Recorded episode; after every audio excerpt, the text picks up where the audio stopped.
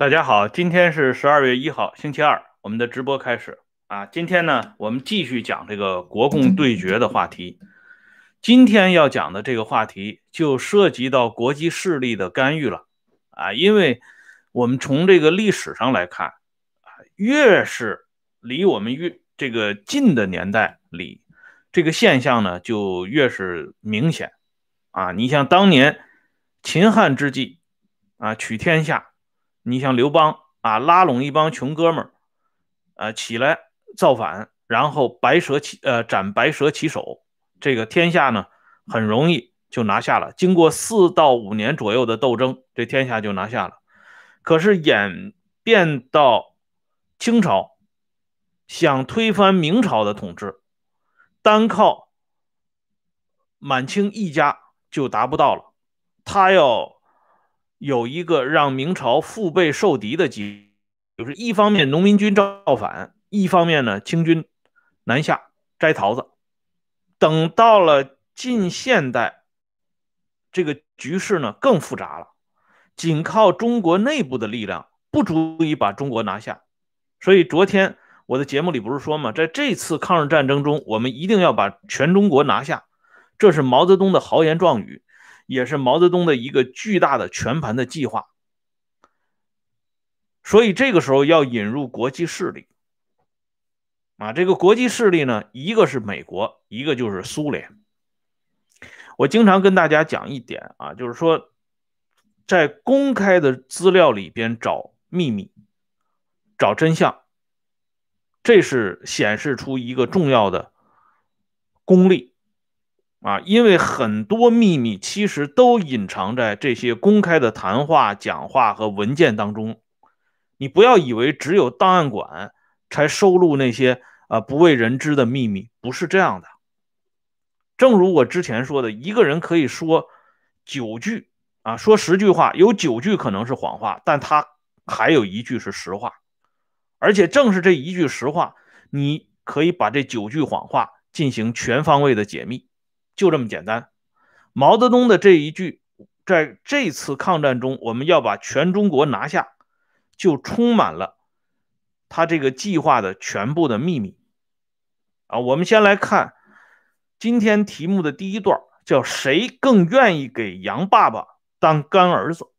以前有一句话叫“带路党”，啊，说这外国人来了，他主动愿意给带给人家当啊带路的，啊，鄙视这些人崇洋媚外。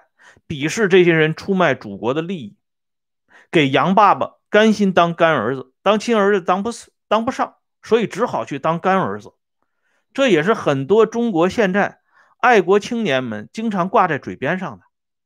人家一说外国好，他就马上来一句：“滚到你杨爸爸那里去吧，嗯，舔人家的屁股吧，啊，等等这些话。”那么我们就要看一看，在上个世纪四五十年代的时候。到底哪一个人、哪一方面、哪一个群体更愿意给洋爸爸们当干儿子？是国民党呢，还是劳动党？现在呢，我给大家看一个例子啊，还是这本近代史研究董老的这幅这篇大后方报告的讲话，在这篇讲话里边，董必武一不留神说了一句话。说了什么话呢？他是这么讲的啊，他说呢，我们现在要注意的是，美苏是我们最大的盟邦。抗战初期，苏联积极支持，大批军火供给，什么都给了国民党。我们从苏联援华的军火当中分得了一百挺轻机枪，也还是通过蒋介石才给我们的。以后国民党自己反苏，苏联才积极，呃，才不再积极的援助国民党。这里呢，首先抱怨一下斯大林和莫斯科没有积极的援助延安。接着话锋一转，董必武就提到了，他说：“其实。”罗斯福看不起蒋介石。据说在最近的开会过程当中，罗斯福根本就瞧不起蒋介石，啊，这是董必武说的原话。按说当时啊，这个劳动党打的旗号是亲苏、反美，对对吧？那美国人看不起蒋介石这个事情，按说是不应该拿在这个大会上讲的。可是呢，他的话锋一转，就转到这里来了。而且接下来他告诉大家一个振奋的消息，就是说我们跟美国人的关系很好。之前我们做通了史迪威的工作，史史史迪威被蒋介石赶跑了，但是。接下来又来了一个美军观察组，包瑞德他们跟我们关系还是很好的，而且我们还可以通过谢伟思等等去影响华盛顿的看法。总之，美国人现在跟我们的感情很好，这是什么意思呢？就是说，别看蒋介石受到美国人的援助。但是我们跟美国人的感情最好，有了这个最好的感情，我们就不怕蒋介石。不是高呼反美吗？为什么还强调跟美国人的感情很好呢？当然，有的人会说这是《孙子兵法》里讲的“兵不厌诈”啊。那我们就来看看这个“兵不厌诈”是如何开演的。嗯，这里呢给大家举一个例子啊，这是一个私人记录。啊，亲历中国革命的私人记录。这个人啊，我多次在节目里提到，他的大名叫李耀宇，他曾经在延安做过很长时间的炊事员、厨师，所以得以近距离的与各级领导干部打交道。他留下的这个口述资料里边，详细的介绍了美军观察组到延安前前后后的这些情况。他作为一个主要的当事人。亲眼目睹了美军观察组在延安受到的太上皇一般的招待啊！他说，当时为了很好的招待美军观察组啊，要在延安大兴土木，给这个包瑞德上校盖一个三层高的房子。在盖这个房子之前，有一个设计图纸，这个设计图纸要先征求美国人的同意。呃，李耀宇的原话是这么讲的啊，我给大家念一下：中共中央非常重视美军观察组，再三指示要让客人们吃好住好，延安大兴土木，为他们盖了豪华的房子，包瑞德上校的独立房、仓库、餐厅、警卫室，大门旁边还搭起了汽车棚和发电机房。汽车呃，还专门有气象观测楼。下边呢，我就不给大家具体念了啊，因为太多了。整个的这个计划非常周密，非常详尽，具体工作由周恩来直接来抓。周恩来当时是这么给下边人介绍的，他说：“美国人为什么这么尊重我们呢？因为我们与美国是盟友。”帮助美国人做许多工作。延安官兵一致，有民主自由的空气，美国人民佩服我们。啊，这是周恩来对下边具体办事的人的交代。然后李耀宇介绍，连美军观察组的包瑞德上校最终都过意不去了，因为他看了一下，与毛泽东所著的。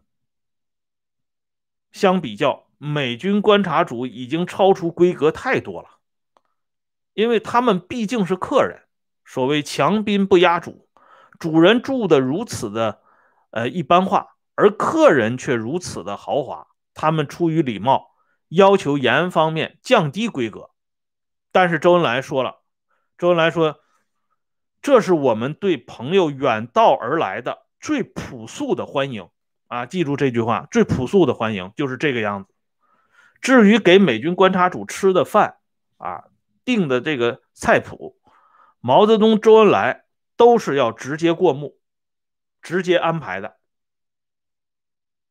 啊，从这些例子里边，我们就可以看到，当时延安对美国人最真实的态度，而毛泽东自己啊，专门提到我们要学习美国，要搞美国的四大自由，甚至《新华日报》，甚至《解放日报》都在长篇累牍的介绍美国成功的经验。所以延安上上下下都向美国人昭示一个事实，就是我们最终。是要跟你们一道走的啊！到底谁才是带路党？这里呢看的应该很清楚。那么接下来还有一个史料，呃，又证实了另外一方面。刚才董老、董必武不是在抱怨吗？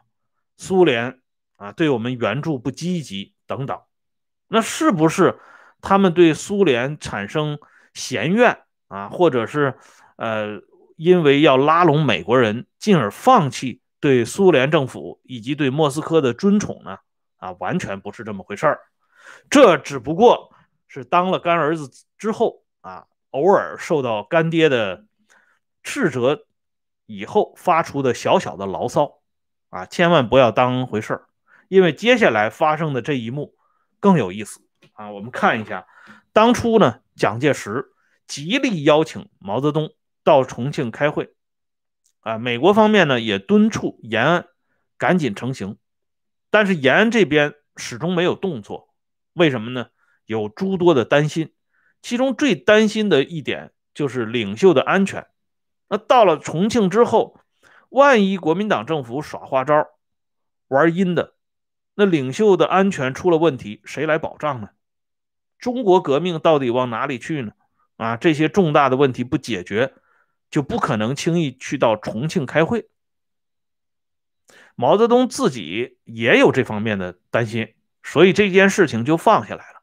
然而就在这个时候，就是公元一九四五年八月二十二号前后，这是记录在周恩来年谱啊官方出版的周恩来年谱当中，他把这个时间细录到八月二十二号下边，应该就是不迟于八月二十二号晚上，中共中央收到斯大林来电。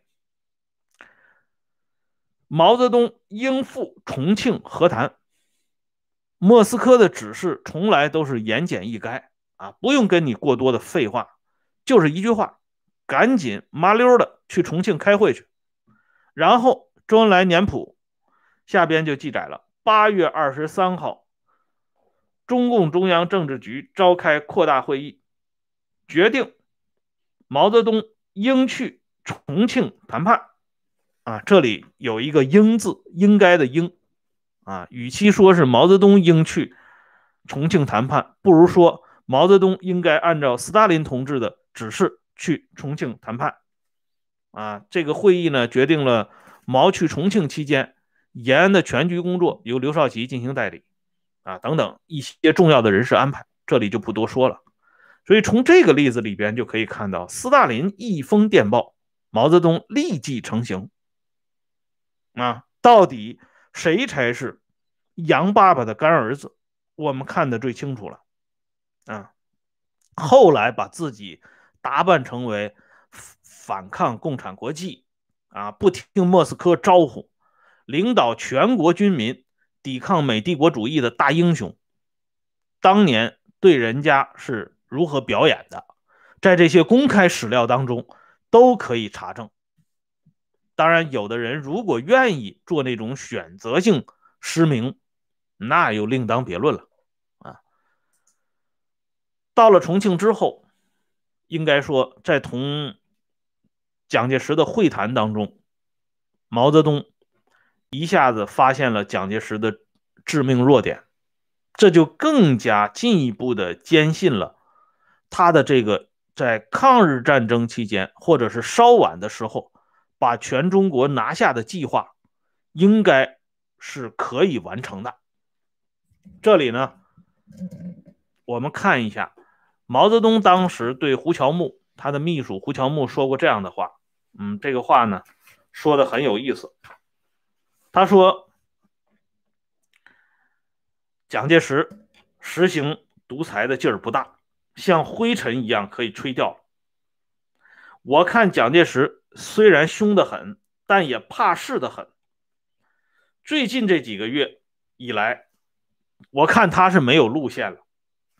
有蒋以来，从未有之弱，兵散了，新闻检查取消了，这是十八年以来没有的事情。说他坚决反革命，我看不见得。这是胡乔木回忆毛泽东里边的原话。这里边呢，毛泽东讲了三层意思。首先呢，是说蒋介石搞一人一言堂的劲儿不大了。这个话是怎么个来头呢？这是源自于蒋介石当时跟从重庆大后方的一些高级知识分子座谈来的消息。当时蒋介石是倾心征求这些高级知识分子的意见，就是说抗日战争胜利了，中华民族到底向哪个方向发发展？所以他有那本书嘛，《中国之命运》，他是真心想向这些啊穿长衫的这些号称是精英的知识分子们请教。大家可以从历史、从中外的对比当中。提供给政府一些有益的建议。这个时候呢，哲学家冯友兰啊，就是晚年有了病也要从床上爬起来给江青写效忠信啊，歌颂伟大领袖、歌颂文化大革命的那个哲学家冯友兰，他有个外号叫冯友兰娜，说这个人身条非常软，像女人一样。这个时候，冯友兰就跟蒋介石推心置腹的说了一番话。他说：“委员长，我们中国之所以一直搞不好，关键我们没有搞宪政民主这个东西。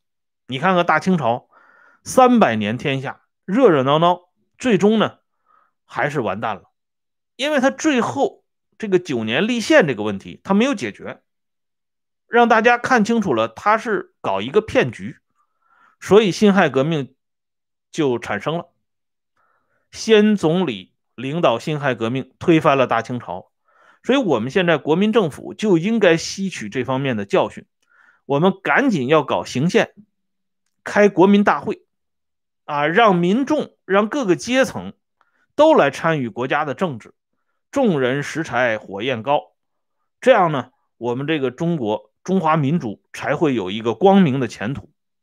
蒋介石听完以后热血沸腾啊，说冯先生说的真是啊。鞭辟入里，相当的到位。因为蒋介石自己也听从了美国人劝告，要搞行宪，啊，要颁布宪法，要选举新款的国民政府，要让各个阶层来参与政治。所以，毛泽东为什么说他搞一言堂的胆子没有那么大了呢？这是第一个，第二个。毛泽东说他兵散了，啊，在杨尚昆日记里边不是有这么一条吗？毛泽东讲过，蒋介石是败在军队的，哎，中华人民共和国说穿了就是中国人民解放军，两党之争说白了就是两军之争，啊，所以这个兵散了，在毛泽东看来，这是蒋介石的一个致命的弱点。这里边呢，就举一个具体的例子。我们知道，在抗日战争阶段，大家最喜欢叫蒋介石的就是委座，就是委员长。他的职务是国民政府军事委员会委员长，这是在上个世纪三十年代初就设置的这么一个机构。这个军事委员会呢，掌管全国的武装力量，这是本来是当仁不让的。可是到了抗日战争胜利之后，这美国人就给出主意了，说你应该按照美国的架构来设置你这个政府和军队这种啊这种关系。那美国没有这个政府军事委员会这个设置，你只有国防部和参谋长联席会议。所以国民政府也应该按照美国的方式来搞，这样呢就把关系理顺了。那蒋介石一听有道理呀。于是呢，他就把国民政府军事委员会撤销了，改成国防部。那么国防部呢，下边还有一个参谋总部。我们都知道，这国防部部长呢，啊，后来由白崇禧来担任，参谋总长由陈诚来担任。这两个人因此还产生了很多的矛盾，这里我们先不说。问题是在蒋介石要撤销国民政府军事委员会的关键时刻，蒋介石身边有一个人就提出了看法，说千万不要中了美国人的计，这是美国人给咱们下套了。我甚至怀疑美国人说这番话背后。是不是有别的党派在这里掺了股份？因为我们一旦撤销国民政府军事委员会，那么我们可能会陷入万劫不复之地。说这话的人是谁呢？蒋介石有没有听从这个人的劝告呢？咱们明天接着说。感谢朋友们上来收看和支持啊！下边呢，我把温相说时政会员频道。链接给大家发一下，感兴趣的朋友呢，可以随时加入这个频道，每天都有更新。